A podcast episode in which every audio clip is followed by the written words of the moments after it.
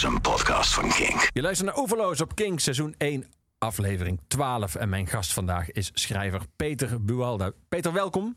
Dankjewel. Welkom terug, moet ik zeggen. Want jaren geleden was jij uh, te gast in Oeverloos. Ja, lijkt uh, gisteren op een of andere manier. er zit een, uh, een boek tussen. dat is een boek waar we het over gaan hebben.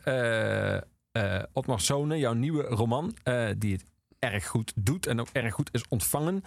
Uh, ik zat even in mijn mail te zoeken en toen kwam ik een oude mailwisseling van ons tegen uit 2010. Wow. Toen uh, was ik uh, hoofdredacteur van een blad Park en toen vroeg ik of jij wat ideeën had voor verhalen. En toen had jij een idee dat je wel naar een Nederlands olieplatform zou willen.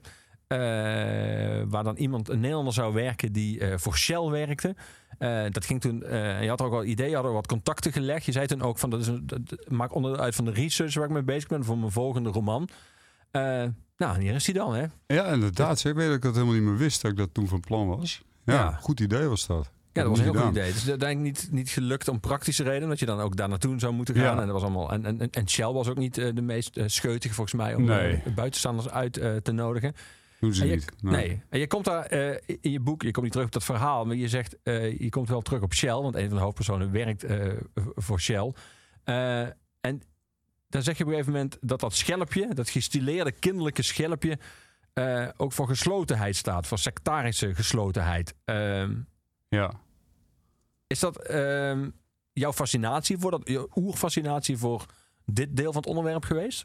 Ehm, nee, nee, nee, nee. Dat, daar kwam ik eigenlijk een beetje achter. Ik, ik, had natuurlijk dat vermoeden al dat het een gesloten bastion was. Uh, maar er zat één gesprek in dat ik met uh, Jeroen van der Veer heb uh, gevoerd. Dat voert nu Isabel. Ja, de onderzoeksjournalist in jouw boek. Ja, dat, dat, dat, ging echt letterlijk zoals het staat. ik had geregeld dat ik hem kon spreken. Ik werd doorgeschakeld op een goed moment. en ik kreeg een stilte aan de telefoon. Ik zei hallo met Peter Buwalde. Ja. dat was dus Jeroen van der Veer. En die zei letterlijk van ja moet je zo voorstellen, Shell leiden is echt niet heel anders dan een uh, gemiddelde amateurclub uh, besturen. Dus uh, we kunnen best een uurtje bij elkaar gaan zitten. Maar ja, veel valt er niet over te vertellen. Dus misschien kunnen we het beter niet doen. En dat was het. En toen legde hij min of meer neer. Want het gesprek was afgelopen. Dat maar, vond ik zo. Ik ga jij zitten te vertellen. Ondertussen heb ik die pagina voor me. Dit is letterlijk wat hij in het boek tegen ja. de onderzoeksjournalisten vertelt. Ja, ik, zei, ja, ik dacht, ja. dat, is, dat is het beste om te illustreren hoe dat ja. voor onderzoeksjournalisten is. Als je je gewoon meldt bij de top. Als je al überhaupt uh, doorgeschakeld wordt en wat er dan gebeurt. En nou, dat is ook begrijpelijk. Ik bedoel, ze hebben er totaal geen belang bij om, uh, om, om, de schrijver Peter Buwalda uit te nodigen. Om eens eventjes open kaart te geven. Dus ik had er ook, ook wel respect voor. En ik vond het ook heel, uh, heel koninklijk, heel, heel shell-achtig hoe dat werd, werd gedaan. Ja. Alsof je bij de Rotary aanklopt, weet je wel. Vond ik geestig. Was nou een heel groot onderdeel van dit boek uh, aanvankelijk research? Of is toch een, het grootste onderdeel gewoon het, het, schrijven zelf geweest? Of heb je eerst jaren materiaal moeten verzamelen? Nee hoor, nee, nee, nee. Het schrijven zelf. Mm. Uh, research doe ik een beetje tussendoor. Als, als ik even vastzit, dan, uh, dan pak ik een olieboek van, van een paar honderd bladzijden. Dan lees ik dat. En nee, nee, research is belangrijk, maar moet je niet te veel tijd aan verliezen. Zeker niet voor je begonnen bent, volgens mij. Want dan denk je dat je lekker bezig bent. En daarna krijg je de klap in je nek pas als je gaat zitten schrijven. Dus die klap kun je beter meteen krijgen. Ja. Dat is ja. mijn idee. Kun je ook te veel researchen? Zeker. Nee, absoluut. Sterker, ik heb uh, voor het vorige boek voor Bonita Avenue locaties geresearched... waar ik eigenlijk kritiek op heb gekregen. Daar deugde het een en ander niet aan. Tot in een ingezonden brief in de Volkskrant. ging over Berkeley, de universiteit waar ik expres naartoe was geweest. Terwijl andersom dingen die ik uh, niet geresearched heb. Daar heb ik mensen van moeten bijna bewijzen dat ik er nooit uh, geboren was. Iemand die dacht dat ik geboren was in een straat in Delft. De trompetsteeg. Hij was er zelf wel geboren namelijk. En het kon niet anders of ik was er ook geboren. Terwijl die straat al twintig jaar niet meer bestaat. Dus toen heb ik ook besloten van je hoeft niet per se overal naartoe. Je hoeft je ook niet te laten ombouwen om, een, uh, om vanuit een vrouw te schrijven, weet je wel. Dus het is een misvatting. Het is een, uh, een, een, verkeerde veronderstelling dat je alle plekken die je beschrijft uh, moet bereizen per se. Ja. Kan geen kwaad soms, maar het, het gaat er zeker niet op vooruit, gek genoeg. Het is een paradox. We gaan het hebben over jouw boek en we gaan muziek draaien de komende twee uur. Um, hebben die twee dingen iets met elkaar te maken? Schrijf jij bijvoorbeeld terwijl je muziek op hebt staan? Jazeker, jazeker. We worden natuurlijk wel eens gevraagd of ik een schrijftip heb. Nou, ik geloof dus uh, pertinent niet in, uh, in, schrijfonderwijs. Dus daar, daar ben ik uh, kort over. Dus dat is je tip? Niet doen. stel je alleen maar voor dat Kafka, Marques en Hermans in een klas zitten. En dan een of andere kerel voor het bord gaan zitten luisteren hoe ze het zou moeten doen. Dan, dan ga je al niet meer op een schrijfcursus, denk ik. Maar ik heb wel een tip. Als je gaat schrijven, oefen jezelf of leer het aan dat je het kunt met muziek. Want dat is echt een van mijn reddingen eigenlijk. De afgelopen 14 ehm, jaar heb ik thuis gezeten. En dan is het zo geweldig eigenlijk als je gewoon alles wat je, waar je zin in hebt kunt opzetten en toch productief uh, kunt werken. Dus ik heb de klassieke muziek, de jazz, uh, hip-hop onlangs uh, gewoon ontdekt tijdens het schrijven. Ja, dat laatste vind ik toch dan ik dan het meest opvallende. Wat ik vaak wel hoor van schrijvers dat ze wel kunnen werken, maar dan wel alleen met instrumentale muziek. En zeker niet met muziek die zo verbaal is en zo op teksten draait als hip-hop. Ja. je hebt toch de neiging om te gaan luisteren. Ja, maar dan moet je ook weer dooroefenen. He, dus uh, je moet ook beter worden in de dingen die je doet. op een gegeven moment kan ik gewoon een live act naast me. Laten we zeggen, als Kanye West gewoon in, in mijn kamer is, kan ik gewoon lekker doorwerken. we gaan naar uh, Public Enemy luisteren om te beginnen. Um, die bijvoorbeeld, die heb je kunnen draaien tijdens ja, ja, ja, ja, zeker, zeker. Ja, mooi. Ja. En ook dit nummer, Don't Believe the Hype? Ja, dat is een van mijn favorieten. Ja, ze komen naar uh, de Ziggo Dome. Hoorde ik, ja. Ja, ja dat, is, dat is 20 jaar te laat. Ik heb zo een keer gezien trouwens in uh, Paradiso. Oké. Je moet uh, artiesten, vind ik, vind jij niet volgens mij, die moet je zien als ze op hun best zijn. Ja. Zijn ze niet meer. Nee, maar ook wel een leuk idee dat jij daar zou kunnen zitten en gewoon kan, zou kunnen schrijven terwijl ze daar staat te spelen. In de zaal, ja.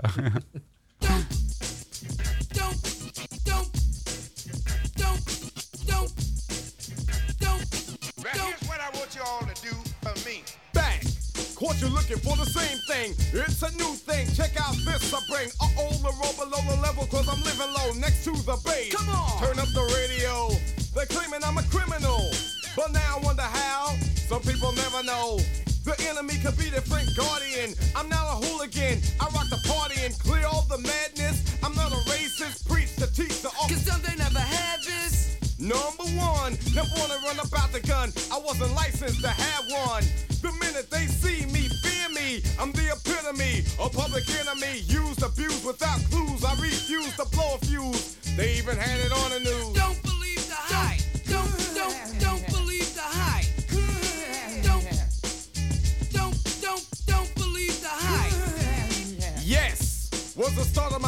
jam. So here it is again, another death jam. But since I gave you all a little something that I knew you lacked, they still consider me a new jack.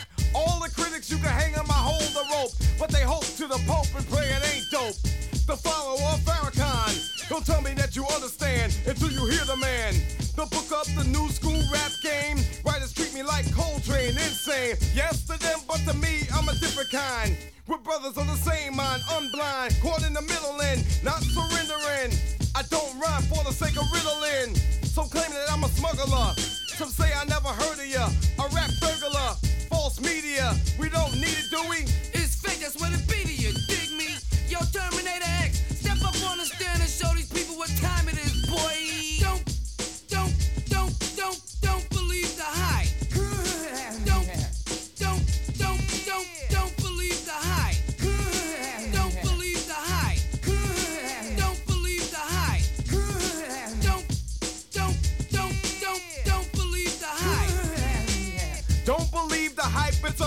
a sequel. As an equal, can I get this through to you? My 98 booming with a trunk of funk. All the jealous punks can't stop the dunk. Coming from the school of hard knocks, some perpetrate. They drink Clorox, attack the black because I know they lack exact the cold facts, and still they try to Xerox. The leader of the new school, uncool, never played the fool, just made the rules. Remember, there's a need to get alarm. Again, I said I was a time bomb.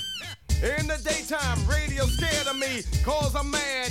Plus, I'm the enemy. They can't come on and play me in prime time, cause I know the time. Plus, I'm getting mine. I get on the mix late in the night. They know I'm living right, so here goes the mic sight. Before I let it go, don't rush my show. You try to reach and grab and get elbow. Word to herb, yo, if you can't swing this, learn the words. You might sing this, just a little bit of the taste of the bass for you. As you get up and dance at the LQ, with some deny it, defy I swing bolos. Then they clear the lane, I go solo. The meaning of all of that to media is the whack. As you believe it's true, it blows me through the roof. Suckers, liars, give me a shovel. Some writers I know are damn devils. From them I say don't believe the hype. Yo, Chuck, they must be on a pipe, right?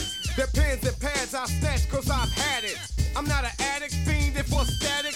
I see their tape recorder and I grab it. No, you can't have it back, silly rabbit.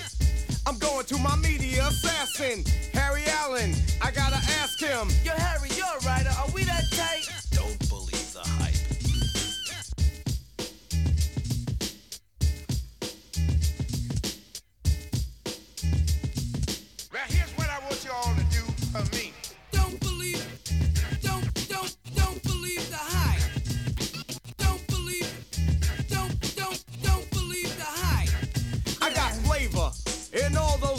Know. Yeah, boy, part two bum rush the show. Yo, Griff, Get the green, black, and red in. Gold down, countdown to Armageddon. 88 you wait, the S1s will. Put the left in effect, and I still will. Rock the hard jams, treat it like a seminar. Reach the bourgeois and rock the boulevard. Some say I'm negative, but then I'm positive. What what I got to give? the media says this. Red, Yo, black, and green. that hype. They got to be You know what I mean? You know what I'm saying? Yo, the megas got them going up to see Captain Kirk like a jerk and they out of work. Let me tell y'all a little something, man. A lot of people on daytime radio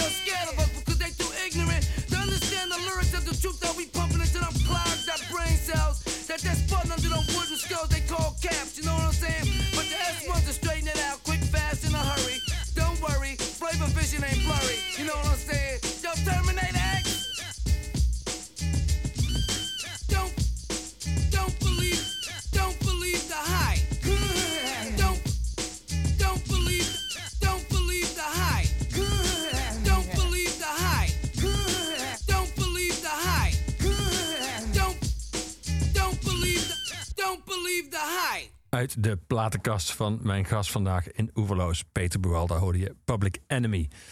Peter, de hoofdpersoon eh, van, jou, eh, van jouw nieuwe roman heet eh, Dolf, althans eh, een, een tijd lang. Eh, Ja. En dan eh, wordt het eh, Ludwig.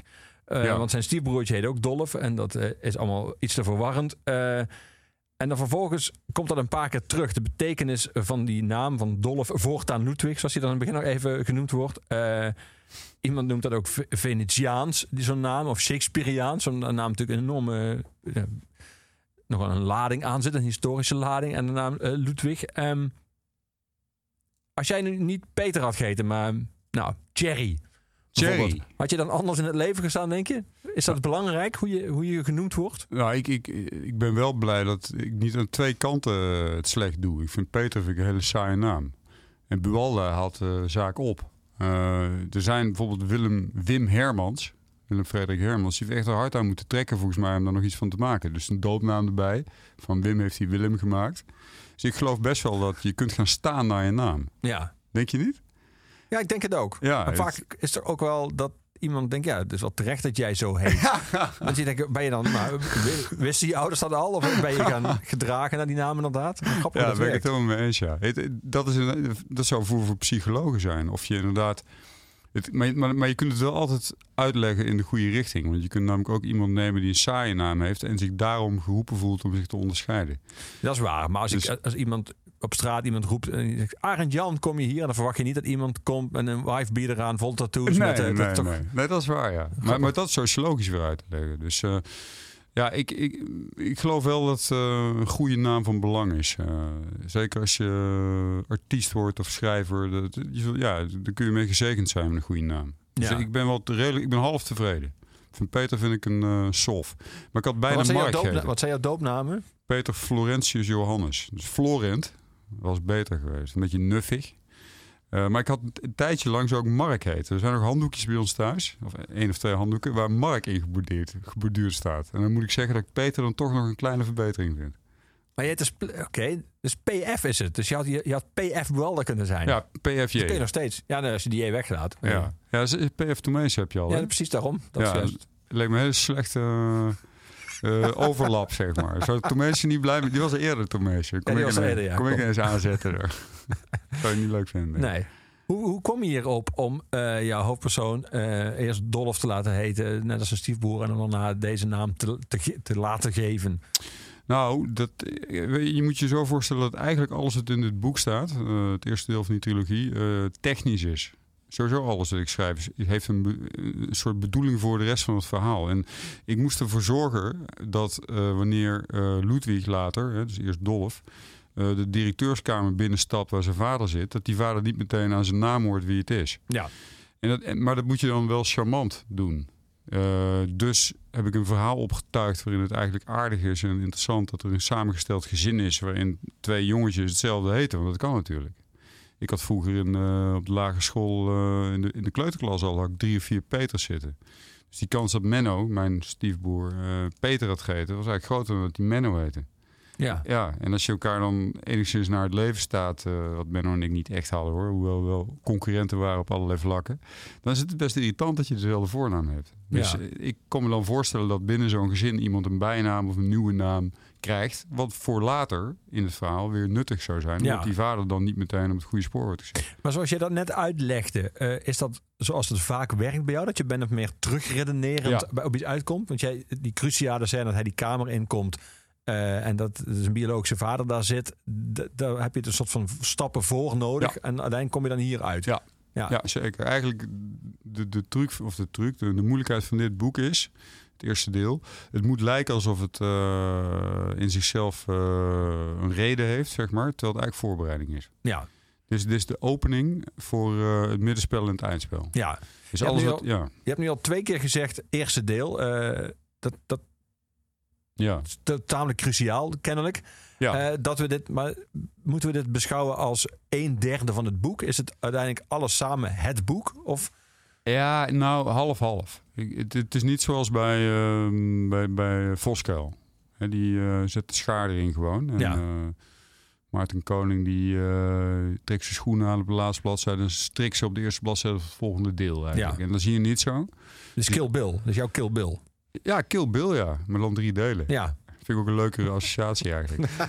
en wel, Kill Bill heeft naar mijn idee geen verhaal. Ik heb hopelijk wel een verhaal. Ik, ik herinner me dat vooral als een aantal briljante losse scènes. Maar eh, ja die eerste is, het, het is inderdaad vrij chronologisch. eh, het lijstje afwerken met de doden. ja, Ja. het zijn gewoon aparte episodes waarin iemand wordt vermoord. Had ik de indruk. Maar ik hoop Ja. dat dit wat subtieler in elkaar zit. ja, ja, maar goed. Het, het, het is- ja, ik zit te denken, er is gewoon een verschil tussen film en... eh, je hebt natuurlijk, bij film heb je natuurlijk allerlei stilistische mogelijkheden om een... eh, eh, en Tarantino is natuurlijk sowieso meer van de dialoog en van de losse scènes en van de, van de sfeer... dan dat het een verhaal nou per se is. Niet zozeer plot-driven, zeg maar. Ja, ik ben groot bewonderaar van hem trouwens hoor. Ik, eh, vooral zijn latere films, die, ze worden steeds beter lijkt Ja. het wel. Dus ik, eh, ik heb daar niks negatiefs over te vertellen. Maar ehm, als je me vraagt hoe verhouden die drie delen zich tot elkaar... je moet ze toch straks, zeker op Marsonen... eh, daarvan heb ik toch de indruk dat als, het, als je het uit hebt... dat je een soort afronding eh, voelt. Dat je denkt van, nou, ik heb een roman gelezen.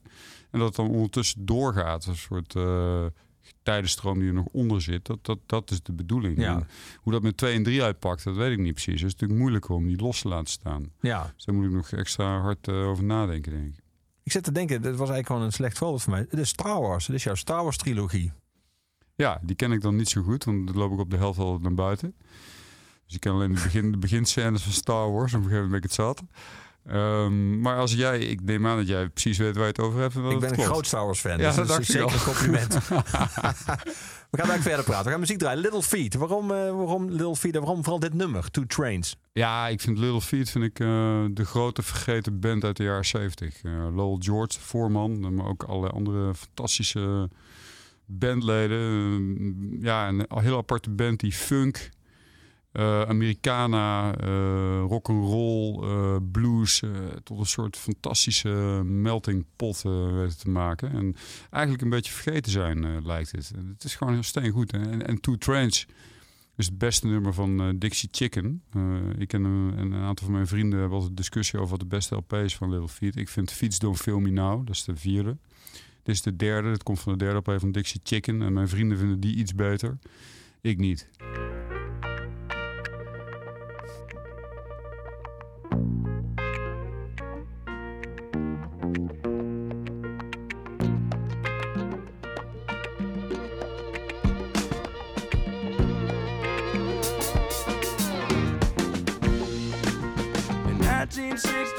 I found my love.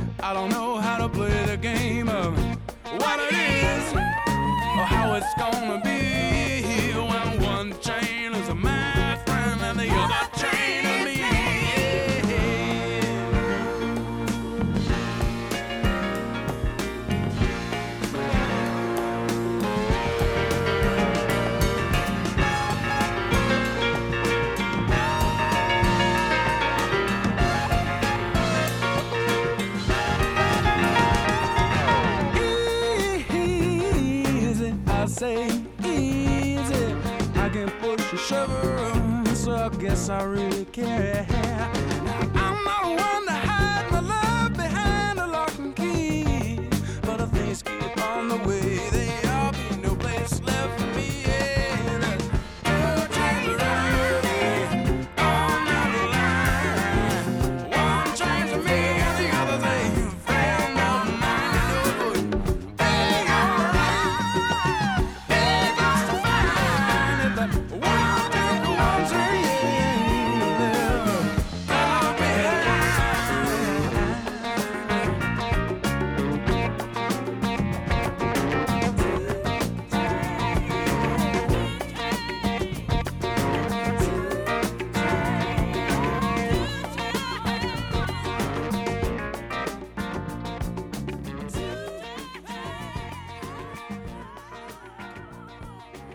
Luistert naar Overloos op Kink, seizoen 1, aflevering 12. Mijn gast is schrijver Peter Bualda.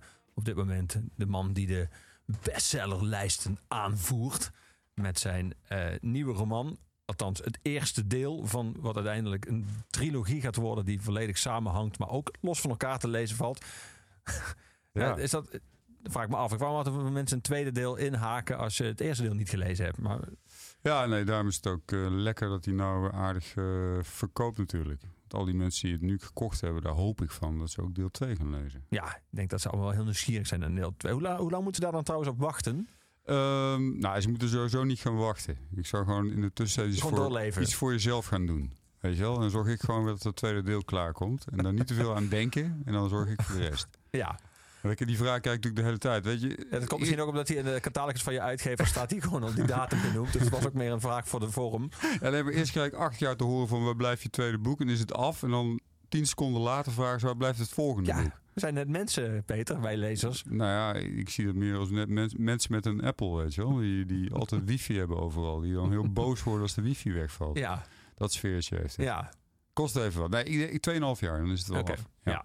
Want ehm, het, je zei het zelf al, het is natuurlijk ontzettend strak gecombineerd. Het is ook gecombineerd met het oog op ontwikkelingen die wij nog niet kunnen voorzien, maar jij wel al weet. Ehm, en je, je, je hebt een vrij dwingende vorm gekozen, want je telt namelijk eh, af. Eh, Ja. De hoofdstukken gaan eh, zeg maar omlaag in nummer, wat suggereert dat er ergens op het eind van het derde deel een hoofdstuk 1 is. Ja, waar alles al, al dan niet samenkomt. En, en dan voelen we ons of bedrogen. Zeggen we hebben al die dingen. en we dachten dat hier.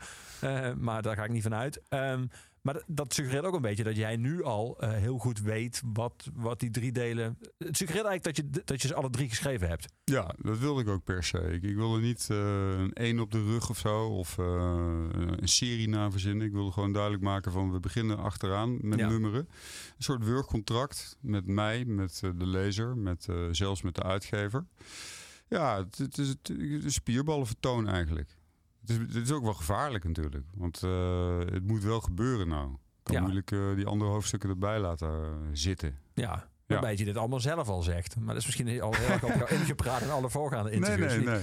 nee, nee, ik vind dat, nee, ik heb dat in het volle bewustzijn zo bedacht. En ik, ik vond dat interessant om dat zo aan te pakken. Ook omdat het grootspraak is, maar wel heel subtiel. Want ja, het staat verder niet op de kaft of zo dat er Nee. twee delen komen. Nee.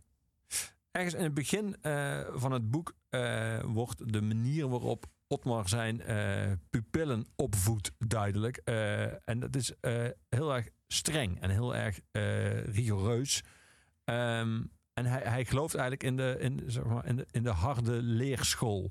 Ja. Ehm, nou goed, ik kan er allerlei dingen uit, uit citeren, maar ik kan het even goed, beter gewoon aan jou vragen.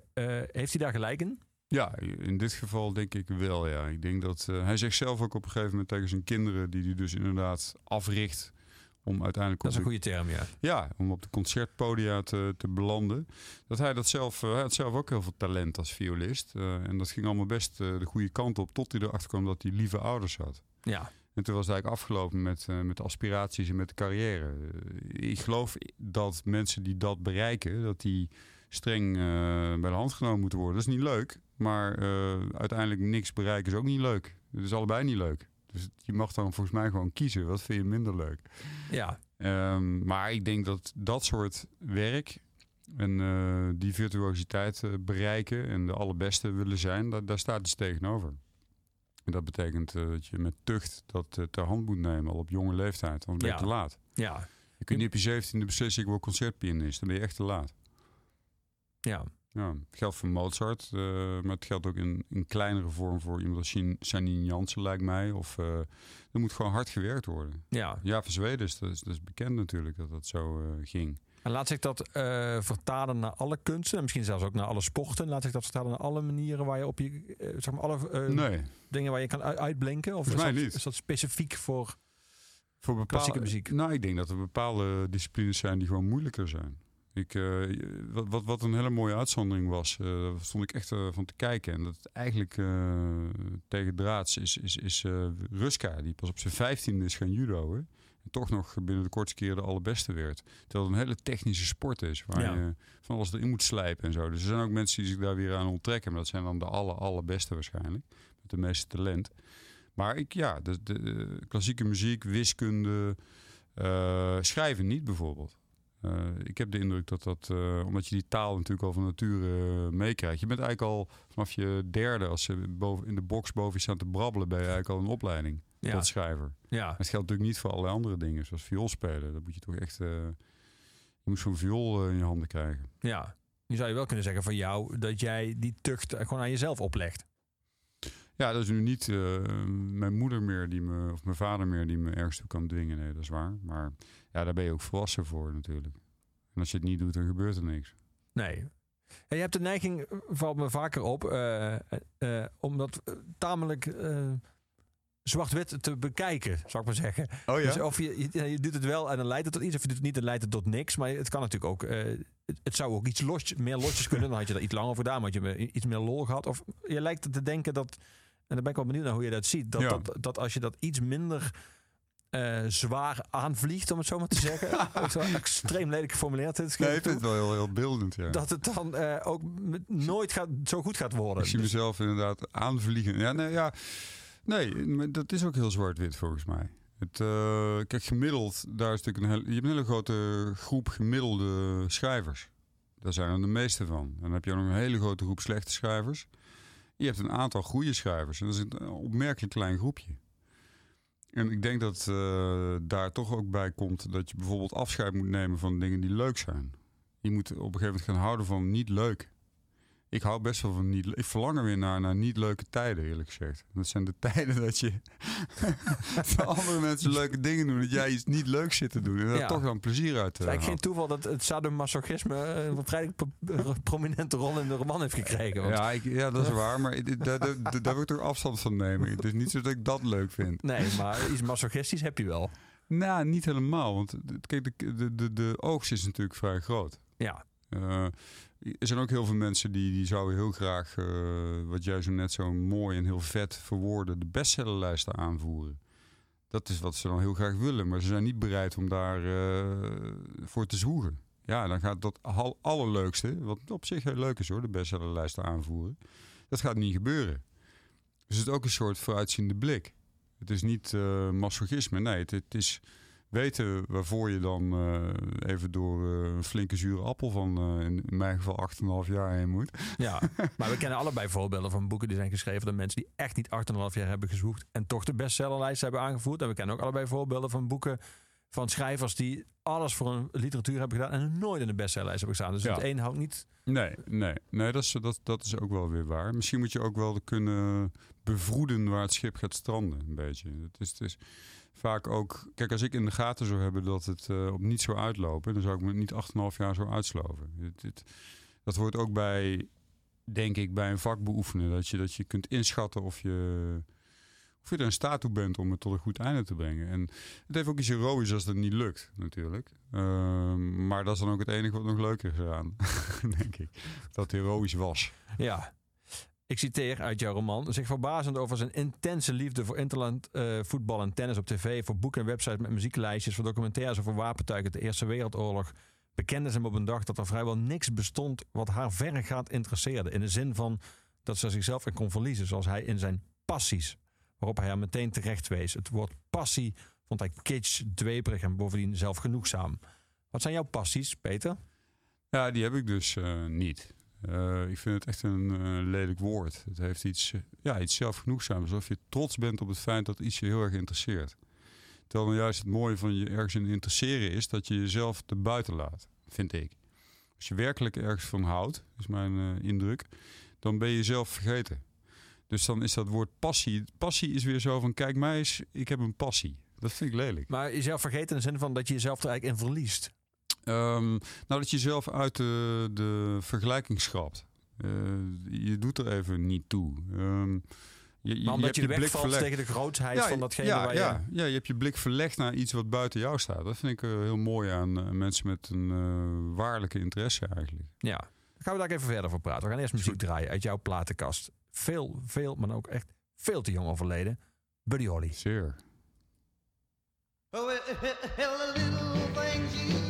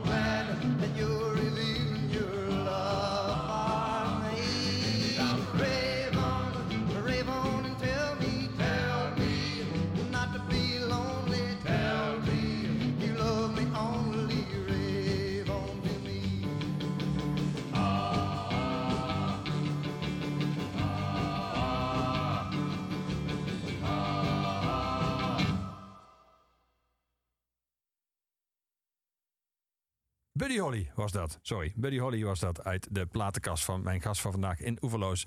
Peter Bualda. Peter, eh, nog even voorgaan, doorgaand op, dat, op die passie. Dat Ja. verschrikkelijke woord. Ook was er in de jaren tachtig ook zo'n soort heel kuis sexy blaadje als de actueel. Dat heette zo, de passie. Oh ja. Je dat nog kent. Ja, nu Dat het als ze- zegt. Ze dat in Blerik ook bezorgden. Of in de leesmap zat. Eh, maar die De discussie passie. die in, in jouw roman, die gaat, eh, die gaat verder. Dat is een discussie, dat zal geen toeval zijn, tussen een man en een vrouw.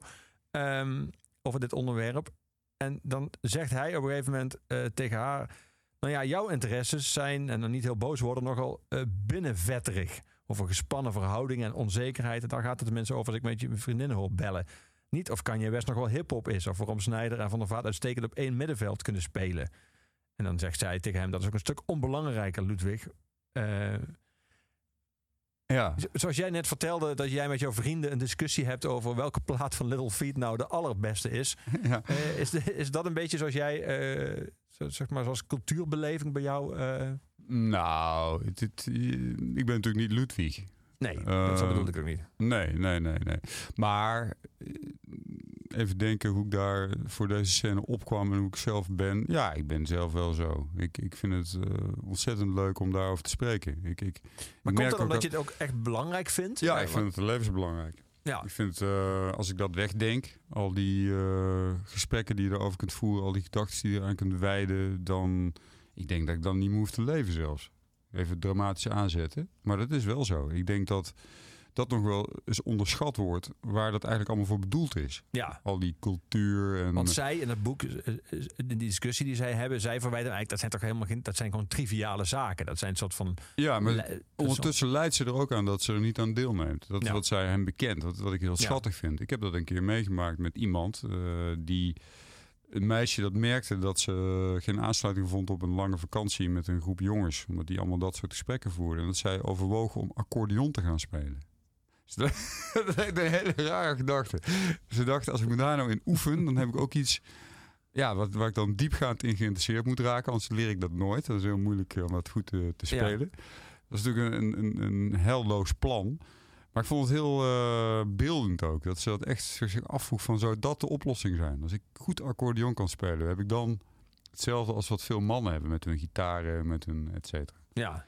Terwijl in het boek op een gegeven moment ook wordt opgemerkt dat muziek niet alleen maar gaat over dat je het moet kunnen willen spelen, maar dat er ook luisteraars nodig zijn. Zeg maar, eh, die dat juist heel, die het luisteren heel, heel serieus nemen. Ja, ja, ja, zeer zeker. Het is een heel mooi dynamiek tussen eh, mensen die dingen maken en mensen die dingen daar, die daarvan genieten. Dat, dat, dat zie ik eh, gebeuren. en Dat is ook heel belangrijk. Ik ben ook heel erg voor literaire kritiek in dat opzicht. Er moeten gewoon mensen zijn die hun leven inrichten met het beoordelen van wat anderen gemaakt hebben. Ja. Ja. Leidt bij jou over het algemeen het een tot het ander? In de zin van als jij muziek hoort, heb je dan zin om muziek te maken? Als jij, eh, Nee, want dat kan ik niet. Ik heb het vroeger wel geprobeerd. Ik heb eh, gitaar proberen te spelen. Maar dan merk ik heel snel dat ik niet in de buurt kom van eh, de gemiddelde gitarist in, in een nederpopband. Laat staan dat je richting Jimi Hendrix kunt of zo. Of Stevie Ray Vaughan, een grote held van mij lange tijd. En dan hou ik ermee op. ja, Dus ik wil wel... Het moet wel het niveau hebben van de dingen die ik mooi vind. Wat Ja. ik zelf eens probeer. ja. Maar als je van het algemeen houdt van dingen die heel goed zijn, valt daarbij ook heel veel af. Zeker, zeker. Zeker sport bijvoorbeeld. Nee, maar je bewondert toch vaak Ja, het sport. Je hebt, je hebt zelf gejudo'd. Ja, voor Dan- mezelf niet goed genoeg in. Nee, dan ook vergelijk jezelf met Ruska, want dat is even je helden. Dan val je natuurlijk af. Eh, volstrekt. ja, Meteen. en dan is het ook mee klaar. Eigenlijk wel, ja. Je zou toch ook kunnen denken, ik word nooit een slechte Ruska, maar ik word wel de beste Peter Buwalda in judo. Nou, nee, dat laatste moet er dan af. Dus de beste Peter Buwalda, die zoekt iets waar hij goed in is en gaat dat dan doen.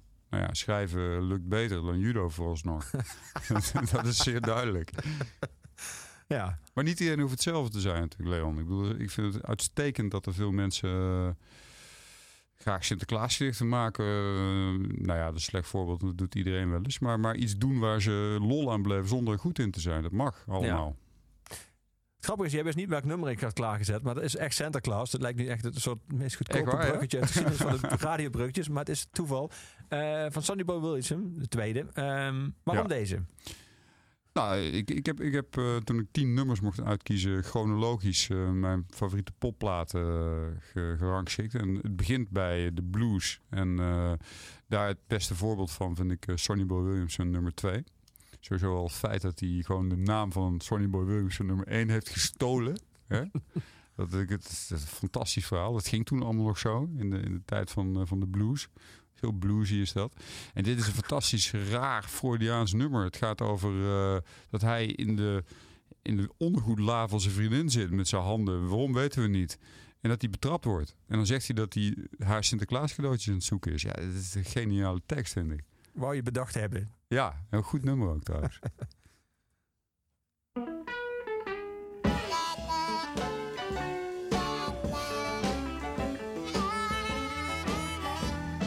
My baby was shopping yesterday, so I'm gonna buy what you need for Santa Claus. My baby was shopping yesterday, so I'm gonna buy what you need for Santa Claus. Gonna take mine with me, but I'll leave yours in my dresser drawer. So that started me to rambling looking in all of my baby dresser drawer. Wow, that started me to rambling, looking all in my baby dresser drawer. Trying to find out after she bought me for Santa Claus. When I pull out the bottom dresser drawer, the landlady got mad and called the law. When I pull out the bottom dresser drawer, the landlady got mad and called the law.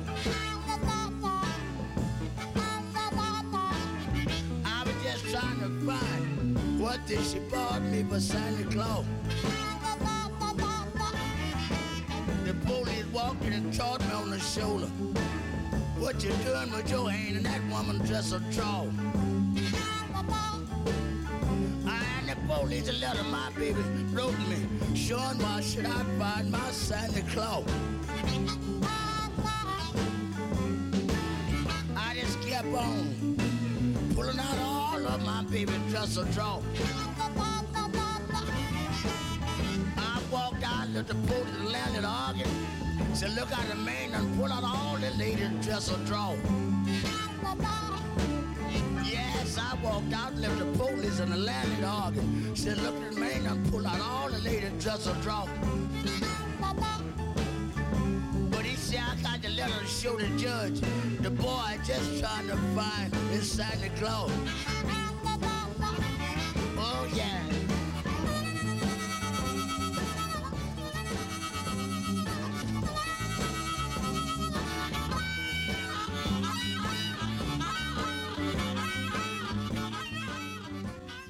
Je luistert naar Overloos, seizoen 1, aflevering 12. Peter Buwalde is mijn gast. Peter, je zei net eh, dat je het goed vindt dat ook mensen zijn die niet zelf kunst maken, maar kunst beschouwen. Bijvoorbeeld in de literatuur, literatuurkritiek. Kun je daar goed tegen zelf? Ehm, ja, ik vind zelf van wel inmiddels. Je went eraan. Eh, en ik heb me ook wel ingeprent dat zonder kunnen we ook niet. Het is gewoon belangrijk. Eh, er moet weerklank zijn. Ja, ik kan wel zeggen van er moet heel veel kritiek zijn, maar niet, niet door mij. Ja, ben ik het ook weer mee eens. nee, natuurlijk is het eh, heel lastig om beoordeeld te worden, om je rapportcijfertje te gaan ophalen, noem maar op. Eh, maar het hangt af van hoe die kritiek is eh, ingericht. Als dat mensen zijn die je kunt vertrouwen, dan is niet zoveel aan de hand. Maar er is wel veel aan de hand. Dat is dus helaas niet zo altijd. Dat zou beter kunnen. Maar het feit dat er. je voor, er wordt niet meer serieus geschreven over wat er verschijnt. Dat zou echt een ramp zijn. Ja, Dan moet die, die weerklank, die, die spanning, die. Is ook een drijfveer voor, voor kunstenaars om, eh, om het beste uit zichzelf te halen. Dat je weet dat er eh, geoordeeld wordt, dat het kaf van het koren gescheiden wordt. Ik- dat is niet erg. ja. Maar het moet wel door betrouwbare lieden gedaan worden. Dus niet door mensen die op boekenballen rondhangen en eh, trouwen met schrijvers en et cetera. Zelf boeken schrijven is ook niet zo'n goede, vind ik eigenlijk. Het, ik bedoel, Johannes van Dam heeft ook geen restaurant eh, gehad midden in het centrum van Amsterdam. En ging dan bij de buren proeven. Het hoort eigenlijk niet echt. Dat soort dingetjes. ja. Maar voor de rest ben ik er helemaal voor. Ja.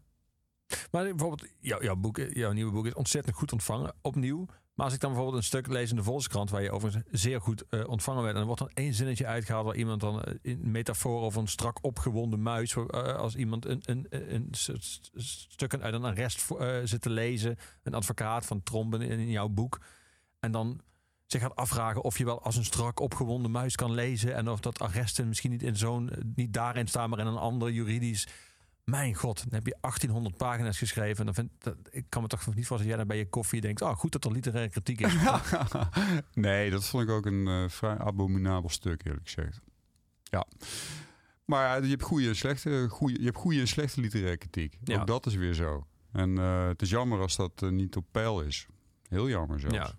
Dat, eh, De cover, ik heb het boek nu hier voor me liggen. Het is prachtig uitgevoerd. Dan heb ik nog de, de goedkope versie. Dat is ook een, een duurdere versie. Ja. Eh, ehm, maar op de cover van het boek zien wij eh, een, een, boomblad met nerfvormige spleten. wat dat bij Isabelle, de onderzoeksjournaliste, om haar nek hangt. Ja. En dat is een absintlepel. Ja. Wat is jouw ervaring met absint?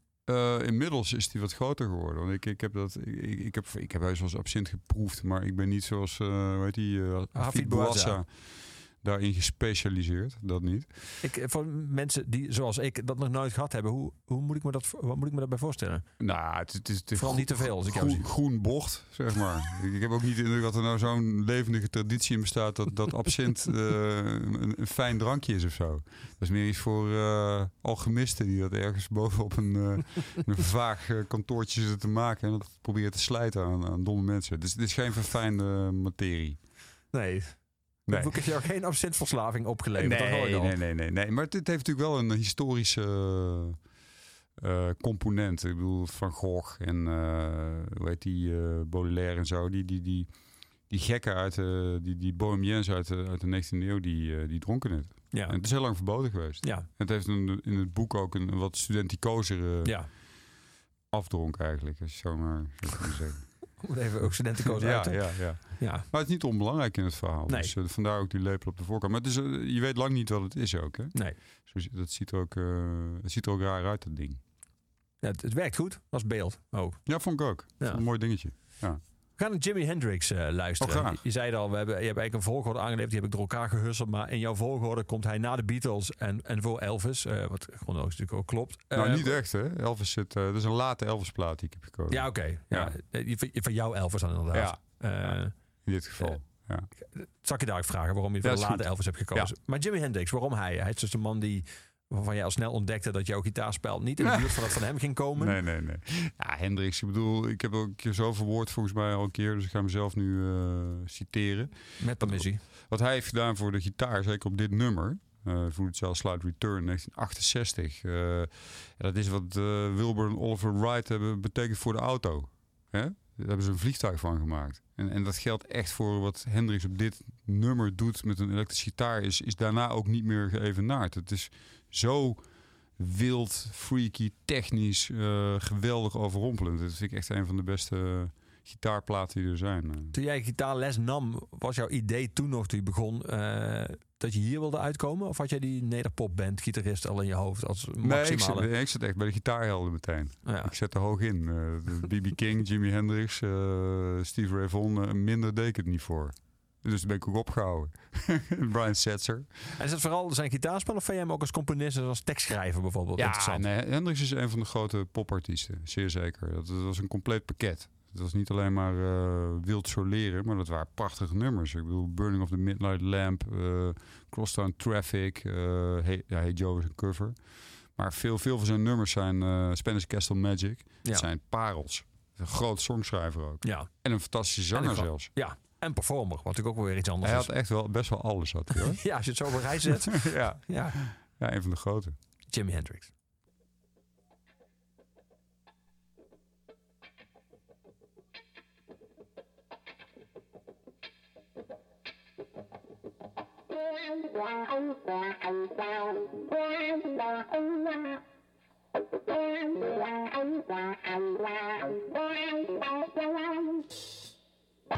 Bye.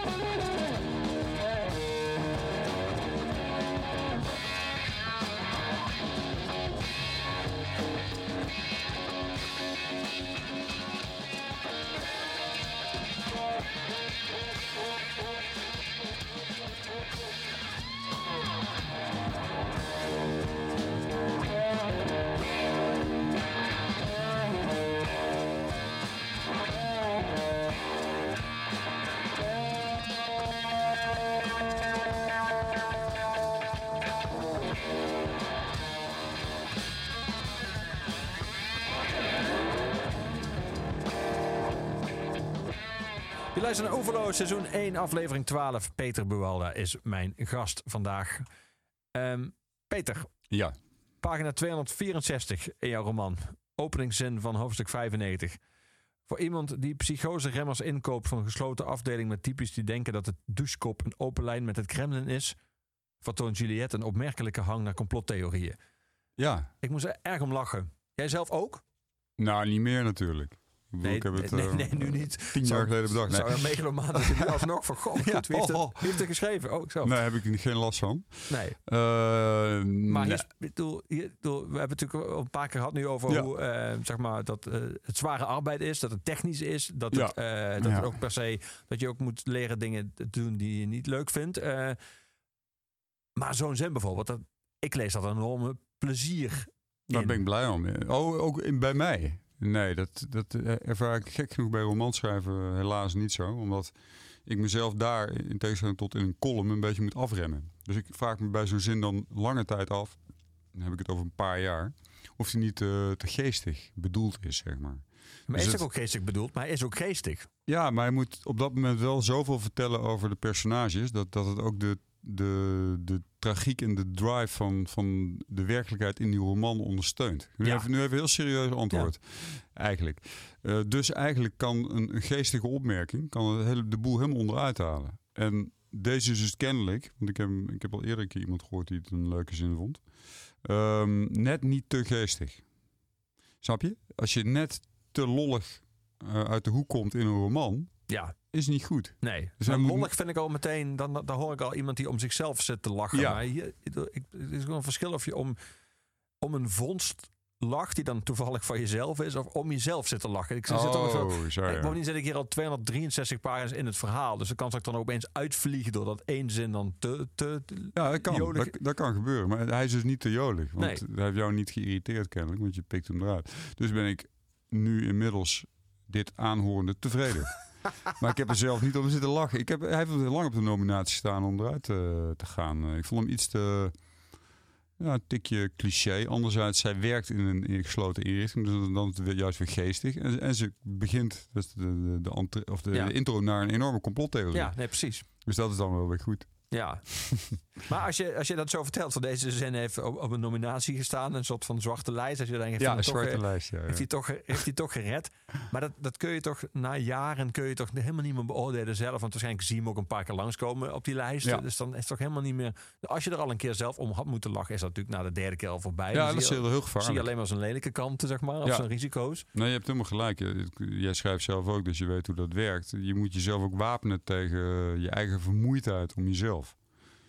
Dus eh, soms zak je weg in een, eh, in een pool van ja, depressie en, en, en zelfafvakkeling eigenlijk. En eh dan moet je niet te lang in blijven zitten in die pool. Dan wordt het hard. Dan, zit je, dan krijg je jezelf niet meer uit de modder en dan haal je ermee op. Dus je moet jezelf leren om, om daar doorheen te prikken. Dus door je vermoeidheid.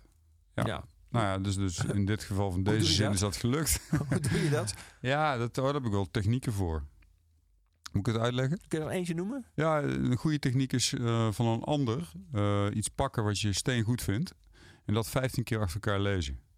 En dan na drie, vier keer, dan komen, de- komt de krakeleden gewoon in te staan. Dan zie je van, ja, zo goed was het nou ook weer niet. En o- na 15 keer vind je het is echt heel slecht. Dat is heel apart. Wat je eerst zo steen goed vond, dan zie je aan van, nou, het is flauw en gezocht. En die overgang is eigenlijk heel eh, melig en et cetera. Dus dan lees je iemand stuk. En dan begrijp je dat je dat bij jezelf eigenlijk de hele tijd aan het doen bent. Omdat Ja. je het zo vaak terugziet. Wauw. Kun je dat bij die ander kun je dat weer herstellen dan of niet? Want het lijkt me best wel. Nou ja, misschien verpest je die passage voor Precies, altijd. Maar ja. nee, ik denk dat dat weer wegzakt. Oké. Zelfs met muziek, hè? als je heel vaak dezelfde plaat hoort, dan moet je hem een paar jaar niet horen. En dan in één keer komt die fris uit, eh uit de cellofaan, als je ja. hem dan weer hoort. ja. En dat is met tekst denk ik toch ook wel zo. We gaan Elvis draaien. Je gaf het zelf al aan. Het is de wat latere Elvis. Dus niet, Ja. eh, Ja, leuk. is hij voor jou altijd goed gebleven? Zelfs in de tijd waarin sommige mensen hem. eh, dat Nee, nee, nee, nee. nee ik, ik vind niet alles. eh, Elvis heeft eh 900 nummers opgenomen. Er zijn er 100 die mogen mm, op een gouden platen ruimte, in wat mij betreft, voor de aliens. fantastisch, allemaal even goed. Maar er zit ook 800 bij waarvan ik zeg van ja, daar moeten we nog even over discussiëren. Dus, dus het is niet allemaal eh, goud wat blonk. Maar die, het is niet zo dat die 100 eh, voor de aliens, dat die in het begin zaten en die 800... Nee, eh, nee, nee, dat, nee, daar heb je helemaal gelijk in. Nee, nee, nee. Nee, ik vind hem in de jaren 60, jaar 50, jaar 60, jaar 70. In die jaar heeft hij opgenomen. Het is echt niet zo dat alleen de jaren 50 goed zijn. Er zit echt ook van die 100 zit er denk ik 30, 33 stuks eh, uit de 60s bij. En dan een heel klein stukje 70s. Dit is uit 68 of 69, moet ik goed zeggen. Ja, hij, hij heeft doorlopend goede platen gemaakt. Maar ook doorlopend slechte platen. Fascinerend, hè? Ja, heel fascinerend.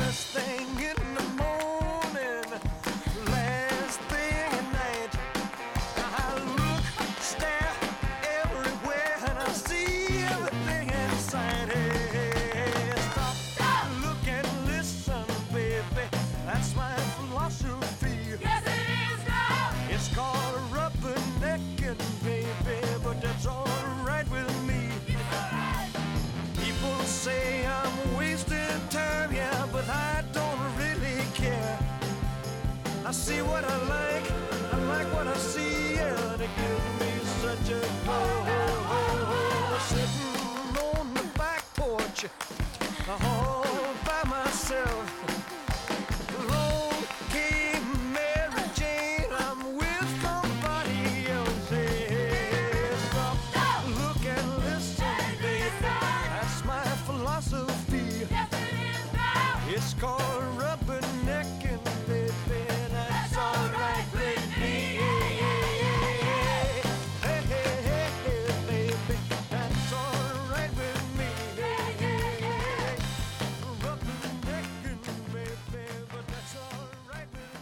luistert naar Oeverloos op Kink, seizoen 1, aflevering 12. Mijn gast is Peter Buwalda. We praten over Otmars Zonen, zijn nieuwe roman.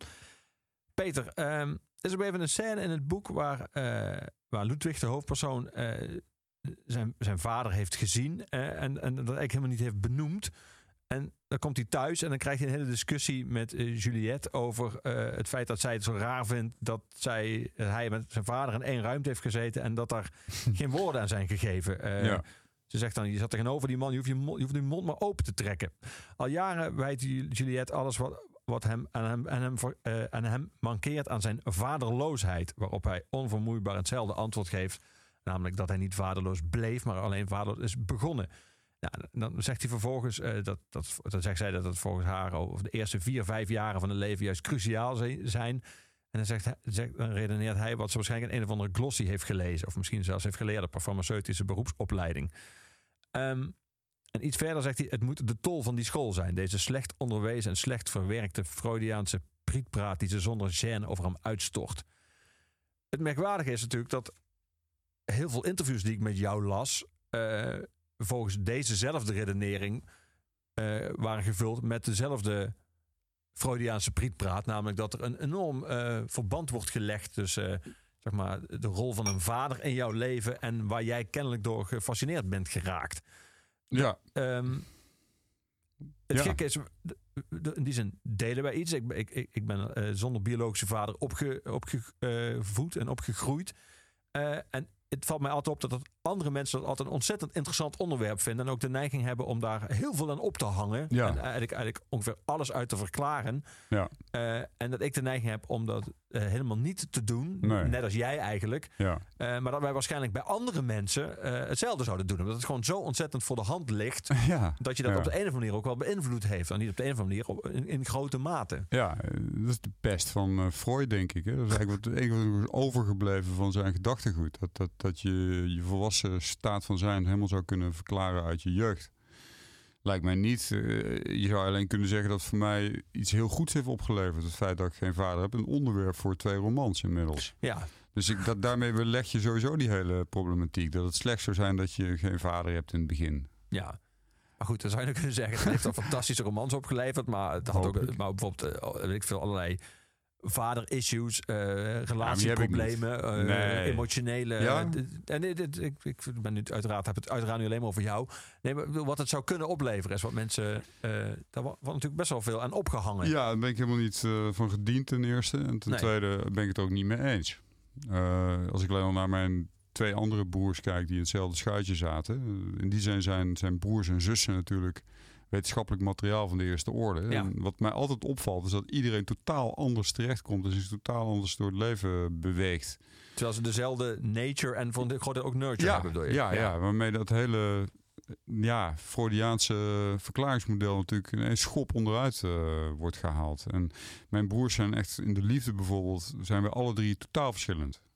Dus je kunt op geen enkele manier conclusies trekken uit eh, hoe mijn ouders waren vroeger.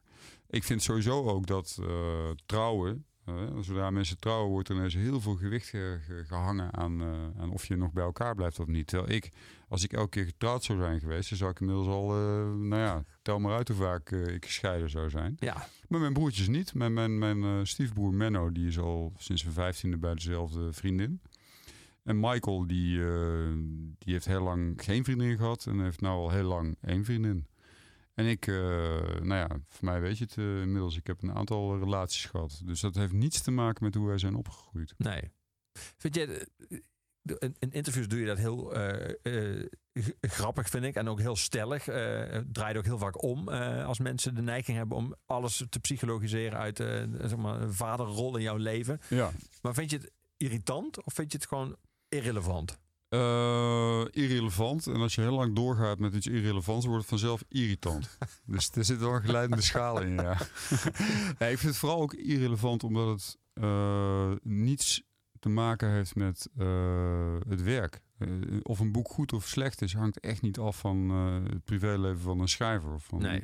Echt totaal niet. Ik geloof dat Philip Roth een keer heeft gezegd van... eh, eh, mijn biografie eh, is heel saai om te lezen, want het gaat over een man die de hele dag naar een beeldscherm zit te kijken. Nee, dat is een typemachine zit te kijken. Dat heeft hij in de jaren 70 gezegd, volgens mij. Ja, Die de hele dag in een lege kamer naar een typemachine zit te kijken. Ja. Dat is mijn leven. ja. Aan de andere kant zou je kunnen zeggen, het is niet verwonderlijk dat andere mensen het interessant vinden. Want je vindt het zelf namelijk ook een interessant literair eh, thema. Nou, is niet helemaal waar. Nee? Nee, nee. Het, het is meer, volgens mij, ehm, je probeert een verhaal te verzinnen en daarmee zet je iets in gang in je hoofd wat je kent. Eh, als ik ehm, een heel saai, normaal gezinsleven had gehad met geen speciale features, zeg maar, dan zou ik misschien al snel uitkomen bij mijn vrienden. Dan zou ik een roman schrijven over een vriendengroep. Maar ja, bij mij is, is die jeugd net iets interessanter eh, in mijn beleving dan, dan die vriendengroep. Mhm. En trek ik daarheen. Maar dat is puur eh, als een gier probeer ik materiaal te vinden. En dan kom ik, als ik het over mijn eigen leven heb, eerder daaruit dan bij, eh, bij mijn vrienden. Ja, Zo simpel is het. Echt, je moet er niet meer achter zoeken. ga ik dan ook niet doen. dus we gaan muziek draaien. Ja. Eh, we gaan naar de Beatles. is prima. En niet naar de Stones. Nee, Beatles zijn eh, beter. Vind ik. Dat, ja, punt. ja. Maar laten we dan even over het nummer hebben. Waarom dit nummer? Eh, Oh, oké. Oh, we zijn nog bezig met ja, she's, uitzending. ja, nee. she's a woman. Ja, kijk, McCartney die wordt altijd een beetje als een mietje afgeschilderd. Maar er was echt niemand in 1964 eh, die zo eh rhythm and blues kon zingen. Dat is zo lekker. Die man wordt echt, kun je nagaan, zelfs Paul McCartney, Sir Paul McCartney wordt onderschat in mijn beleving. Is veel beter dan mensen denken. She's a woman. Hier zijn de Beatles.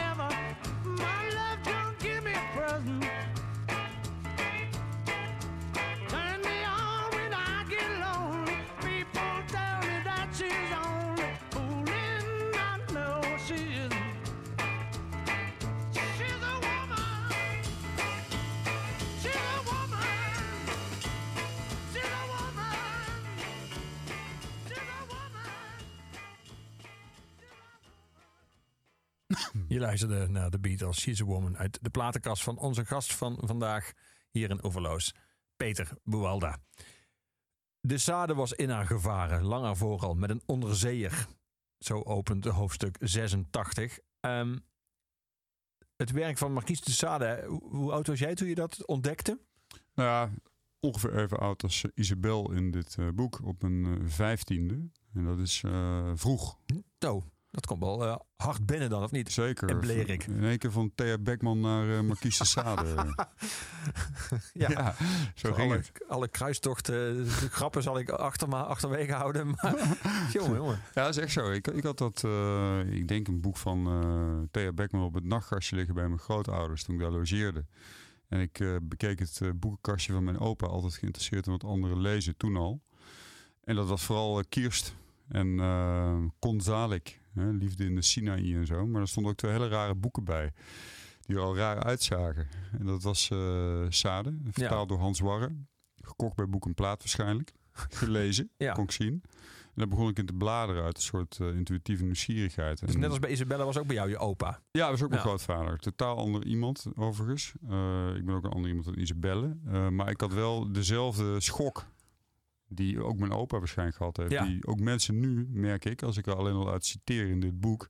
zijn ze hoogst verontwaardigd hier en daar. Van, eh, jezus, moet dat erin en zo? Wat, wat, eh, wat is dat allemaal? En ta, ta, ta. Terwijl dat sinds 1780 gewoon bestaat. En ook in Frankrijk gewoon in de Pleiade zit. Ja. Het, het hoort bij het, eh, bij het erfgoed. Het is geschreven. Het is bedacht. Het is er. Ja. Ja. Wat wou je erover weten? Nou, ik, dat, dat. Ik Ja, wil weten wat voor indruk op jou maakt toen Nou jij het eerst een, las. een verwoestende indruk. Ik, ik moest daar veel over nadenken. En, ehm, het, het had iets aantrekkelijks en iets Vond je het zeer of niet? Of vond je het vooral eh, nou, het- eng als je was, 15 bent? ja, daar was ik over aan het nadenken. Het, het gekke was dat, er, dat, dat het een mix is van beide. Het heeft iets eh, aantrekkelijks in de zin van dat je door wil lezen. Maar tegelijk zo afschuwelijks dat je het ook wel van je af wil werpen. Het heeft, eh, zeker als je nog seksueel niet tot ontluiking bent gekomen. dat Op je vijftiende hangt dat er een beetje om natuurlijk. Is het zeer verwarrend. En dat maakt het ook eh, interessant. Als je het nu leest kun je het plaatsen waarschijnlijk. Eh, Zul je nog moeten slikken en denk je nog steeds van wat is dit? Maar zeker dan. Ja. Het is eigenlijk een heel slecht... dat is eigenlijk niet aan te raden. Het is te vroeg. Ja. ja.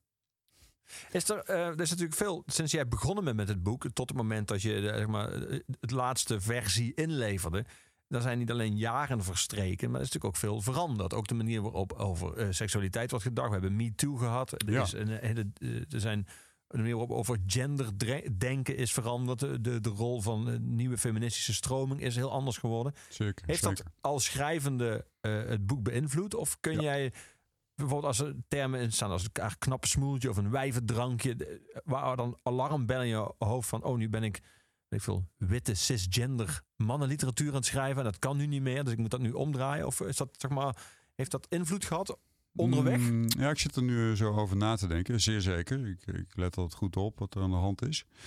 Eh, maar gek genoeg zat het in Bonita Avenue ook al verdisconteerd. Daar heb ik toch ook al gekozen voor eh, perspectieven van man en vrouw. Hè? Joni is het Ja. meisje, eh Aaron een jongen.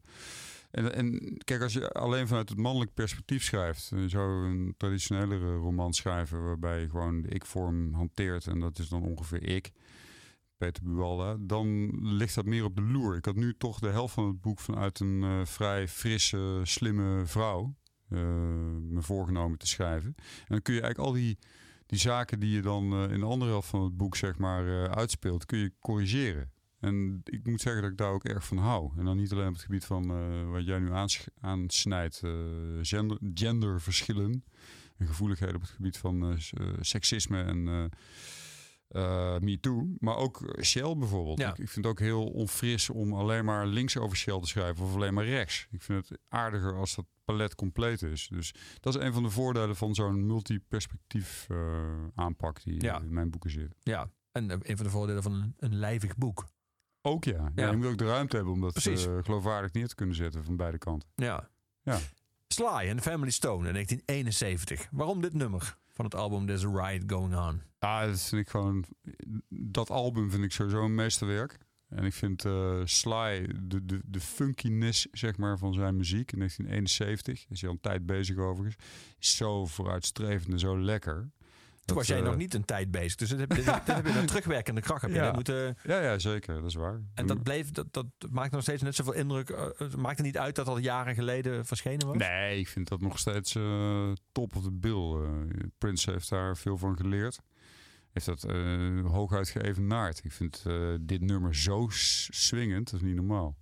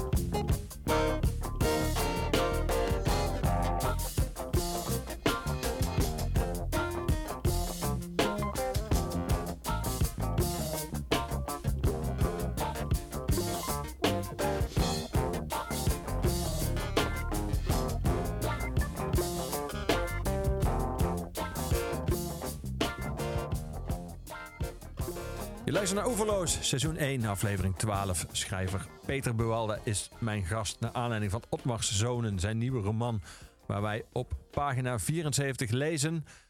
Zijn accent is knauwerig, plat, maar machtig. Het klinkt zoals zijn overschatte HBO-series kiesman uit de Deep South laten praten. Series zijn voor sommige, volgens sommige mensen de nieuwe films en eigenlijk zelfs de nieuwe literatuur. Ehm Schande. Daar wou ik even van je weten wat jij daarvan vond. Ja, dat, je weet ik- zo- ja, dat, vind ik heel erg. Zo kordaat samenvat. Ja, dat vind ik heel erg als eh, mensen dat eh, beweren. Dus het is alsof je vroeger, eh, dat zijn dan de boeken, ehm, je broeken en je blouse en je handdoeken zeg maar op zo'n wasbord moest eh, afraggen. En daarna krijg je de wasmachine. Dan zou een tv-serie zo zeg maar de wasmachine van de literatuur zijn. dat is echt ontzettende onzin. Het, wat, wat je op televisie kunt doen is veel, maar het is precies wat je niet kunt doen in een boek. Dus dat dat het een en ander zou kunnen vervangen is, is echt een nonsens. Ik weet niet wie dat bedacht heeft. Ik geloof dat eh, Salman Rushdie, die natuurlijk normaal altijd een aai over zijn bol krijgt en terecht, gezegd heeft dat eh, HBO de Nou, in Iran, in Iran gaven ze hem geen aai voor zijn bol. Ja, dat is waar, ja. Dat is waar. Ja. Maar goed, ik neem ook niet, niet aan dat je hiermee voor de Iraanse aanpak van... eh, Nee, nee, nee. Van literatuurkritiek. Van literatuurkritiek. Nee, helemaal niet zelfs. Nee. nee, dan heb ik liever gewoon wat minder sterren. Maar eh, nee, ik vind, ik vind het groot onzin. En eh, ik, ik ben ook, ook niet overtuigd van de kwaliteit van, van series over het algemeen. Ik zie er toch aan af dat ze op het laatst pas beslissen om er nog een seizoen aan vast te plakken. Ja. Hè, waardoor de, de, de spoeling een stuk dunner wordt, eh plottechnisch. Ik hou meer van de goede bioscoopfilm. Daar ben ik wel erg van... Maar de, de, zeg maar de top van de, de, de, de Soprano, Six Feet Under, The Wire, zeg maar de series die echt eruit springen. Ja, nee, ik heb ze niet uit kunnen kijken. Zelfs de Sopranos niet. Wauw. Ja, vind ik toch te, te waterig op een gegeven Terwijl moment. jouw, eh, aan jouw attention span kan er niet liggen. Nee, dat zou je zeggen Nee. inderdaad. Ik ben een keer door eh, een ex-vriendin de, de, de gang opgeduwd. Deur op slot. Toen kon ik naar huis. Omdat ik eh, opmerkingen maakte over eh, Six Feet Under. Waar ik na een aflevering of vier begon bij een beetje te trekken. Vond ik het gewoon minder goed worden. En dat had ik tegen haar gezegd. Toen ging ik naar de wc.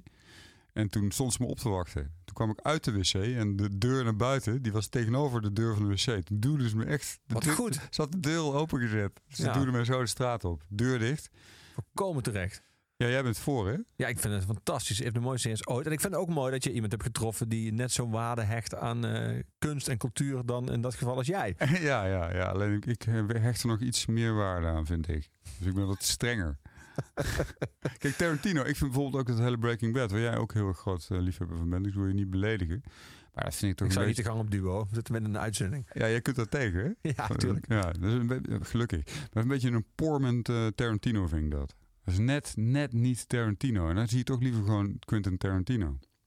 Ja. Dat is mijn mening. Ach, Maar, maakt niet uit. Het ik heeft vraag weinig zin om andere jij- mensen... Ja. Ja, maar jij bent mijn gast. Ik vraag naar jouw mening. Daar ben ik benieuwd naar. Maar Misschien- wat ik me afvraag is, vind jij dan zeg maar, de regisseurs- en auteurshand van eh, Tarantino beter dan in dit geval van Breaking Bad? Of vind je ook zeg maar, dat je gewoon een film hebt van twee, tweeënhalf uur, maar dat dat qua spanningsboog meer oplevert dan allemaal losse afleveringen uitgespreid over zes, zeven, acht seizoenen? Ja, dat, dat, dat gevoel krijg ik vaak bij series. En, en, en dat komt volgens mij door, door hoe dat eh, zich ontwikkelt. Want ze weten natuurlijk niet altijd of ze door mogen. Soms wel, bij The Wire bijvoorbeeld wel, maar bij Breaking Bad, wat jij nu noemt, was dat niet het geval. Dus die moesten ter plekke nog gaan bijschrijven om. eh, en, en ik weet hoe dat werkt. Dat is heel lastig om het goed te houden. Dat kun je ze bijna niet eens kwalijk nemen. Het is een Maar- beetje alsof jij nu niet zou weten of er drie of vier delen gaan komen van eh, ja, deze en trilogie. of ik door mag. Ja, Weet je wel? En dan, dan ga je toch anders eh, werken en kwalitatief lager zitten. on- on- onbewust misschien zelfs.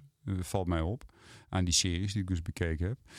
Terwijl ik dat bij, eh, bij- zo'n project, of project, een film als, als Tarantino eh, maakt, eh, niet merk. Want Nee. die weet waar het einde zit. En ja. die weet dat die. maar zelfs met Tarantino wil, ehm, er zitten bijvoorbeeld eh slordigheidsfouten in zijn montage, omdat hij bijvoorbeeld Ja, wil, ja. Af, wil klaar zijn voordat het kan. Wil per se première gaan op kan en dan heeft hij nog een deadline.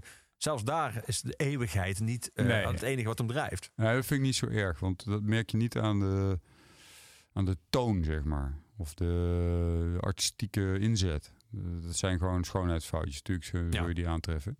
Nou ja, ach, ik, ik moet binnenkort ook weer eens een serie eh, onder ogen komen om te testen of wat ik over beweer nog wel waar is. Weet je, wel. je moet ook niet eh, verstart zijn in zo'n opvatting. Daar eh, ga je kist in en dan heb je allerlei series gemist die steengoed waren. Dus ik ga Ja. dan nog testen. En dus ook wel acht jaar later. Ja, wie Dit- weet zijn ze dit veel- boek later. Ja.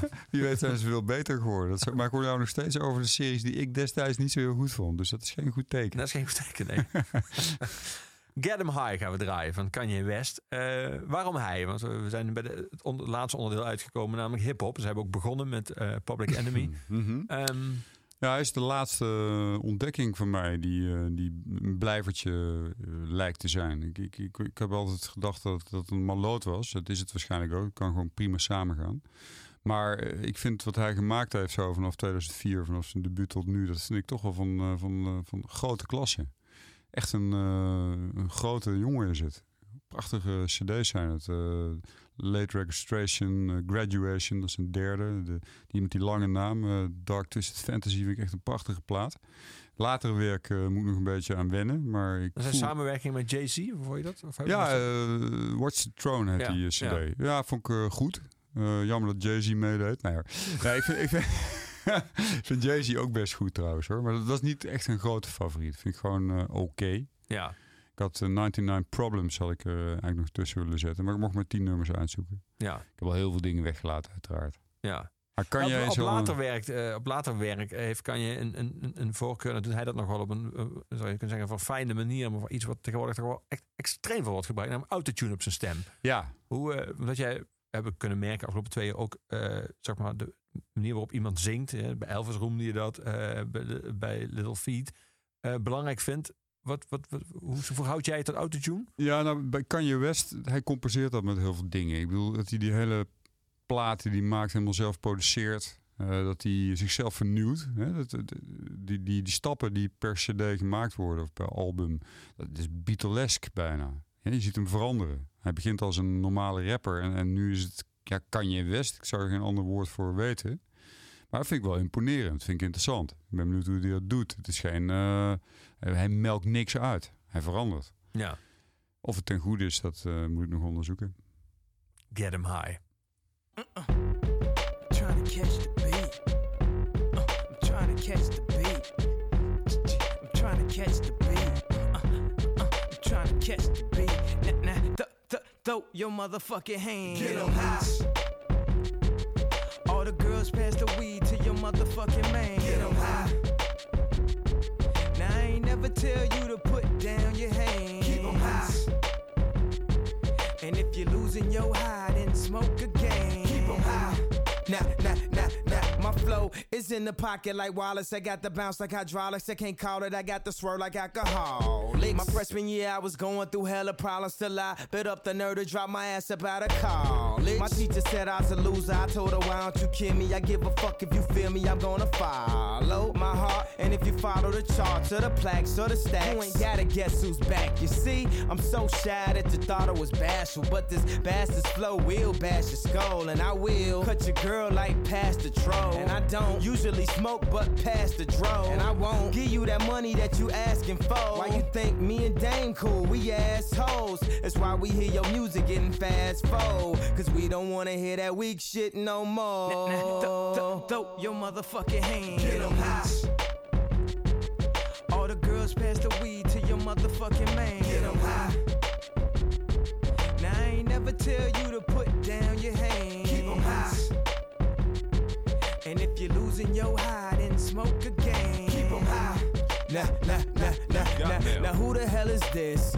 emailing me at 1126, telling me that she 3626. Plus double D, you nine girls on Black Planet B when they get bubbly at NYU, but she hail from Kansas. Right now she just lamping, chilling on campus. Sent me a picture with a feeling on Candace, who said her favorite rapper was the late great Francis. W-H-I-T, it's getting late, mommy. Your screensaver say tweet, so you got to call me and bring a friend for my friend. His name Quali. You mean Talib, Lyric 16 me rib. I mean, that's my favorite CD that I play in my crib. I mean, you don't really know him. Why is you lying? You're quiet, she don't believe me. Please pick up the line. She gon' think that I'm lying. Just spit a couple of lines, then maybe I'll be able to give a dick all the time and get a high.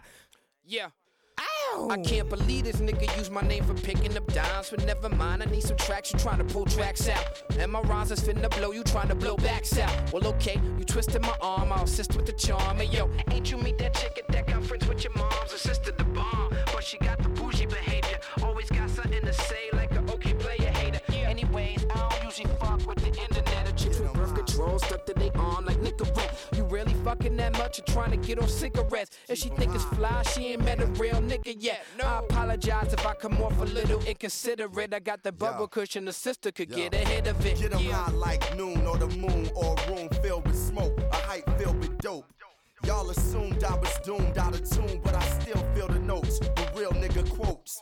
Real rappers is hard to find, like a remote. Control rappers out of.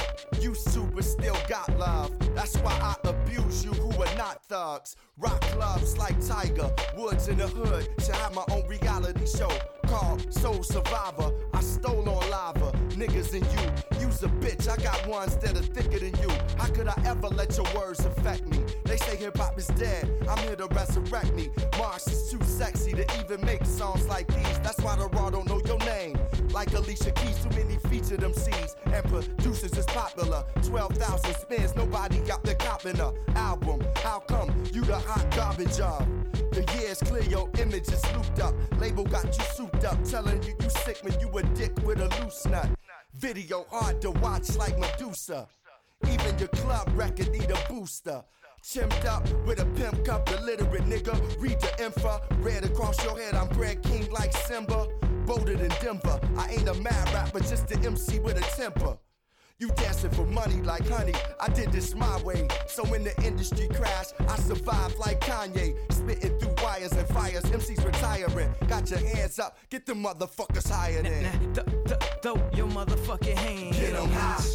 Yeah. All the girls pass the weed to your motherfucking man. Get 'em high. Never tell you to put down your hands. Keep 'em high. Keep high. Keep 'em high. Uh, uh. And if you're losing your high, then smoke again. Keep 'em high. Uit de platenkast van mijn gast van vandaag in Oeverloos, Peter Buwalda, hoorde je Kanye West. Peter, aan het begin van de uitzending zei je dat jij eh, je inmiddels hebt aangeleerd... en dat anderen zou ook zo aanraden om eh, muziek te kunnen blijven draaien terwijl je schrijft. Eh, kun jij ook lezen terwijl je, ja, niet terwijl je schrijft, maar terwijl je aan een boek bezig bent? Of, of Oh, zo, oh, zo andermans werk. Eh, ja, heb ik zelfs nodig. Als ik het eh, niet, niet een overmaat eh, en ook niet iets wat heel goed is, maar haak staat op wat ik zelf doe. Dat is gevaarlijk. Want dan kun je ineens denken van ja, dit, is zo verkeerd van aanpak. Het is precies zoals het niet moet. Dat is een heel naar gevoel.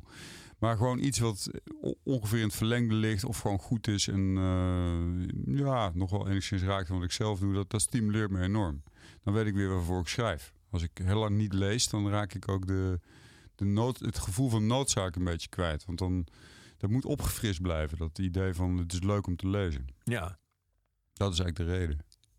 En iets heel slechts, dat eh, is ook eh, stimulerend. Dan denk je van ja, dit kan ik veel beter. En iets heel goeds, dat, dat trek je dan aan op. Eh, Het is altijd goed. dat is goed, ja, als je het zo Ja. vertelt. Heb je inmiddels dan, moet ik me voorstellen, een soort lichte leesachterstand af, opgelopen de afgelopen jaren... omdat je vooral bezig was met schrijven? Ja, de laatste jaar heb ik heel weinig voor mij doen. Eigenlijk het, slechtste leesjaar van mijn leven was dat. Ik heb, ik heb zo hard eh, moeten werken om het af te krijgen... dat ik daar dus echt geen tijd meer voor had.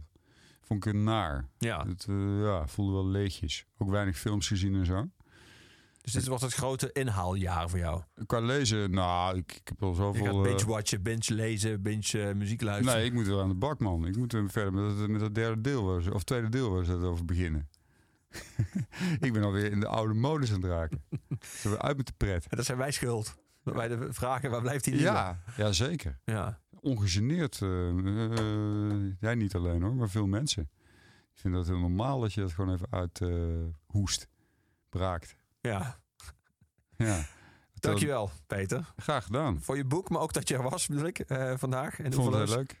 Ehm, volgende week Joost de Vries hier in Oeverloos. Ook Eh, leuk. Ja, ook leuk. En ehm, we sluiten iedere Oeverloos af met onze huisdichter. Dat is Luc de Vos, dus het laatste woord is aan Luc. Hier is Gorky live met Broeders en Zusters.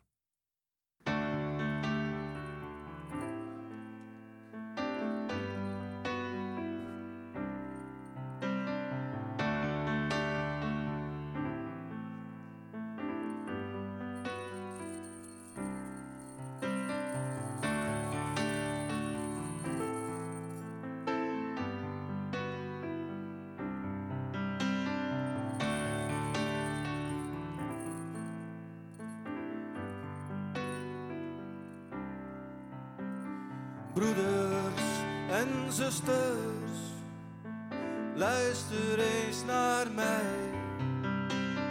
Wil je alsjeblieft niet meer zo hard brullen? Want ik ben zo moe en ik kan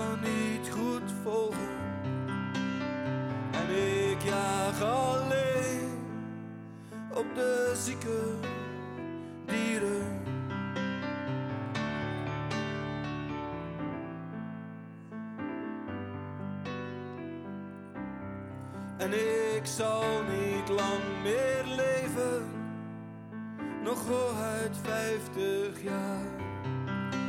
Maar voor ik zal verdwijnen, moet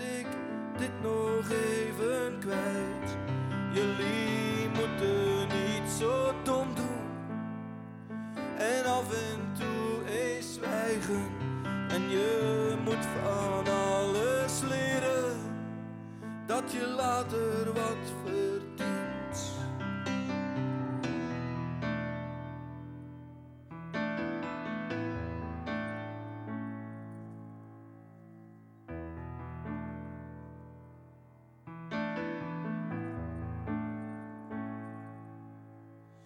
Broeders en zusters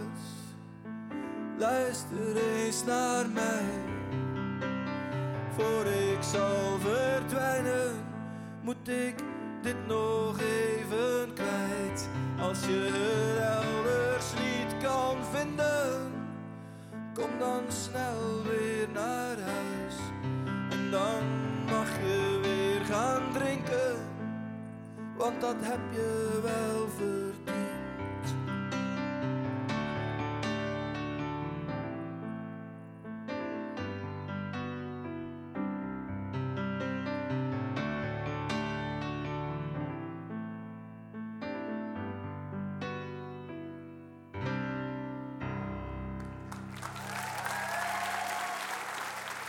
Dit is een podcast van King. Voor meer podcasts, playlists en radio Check checkking.nl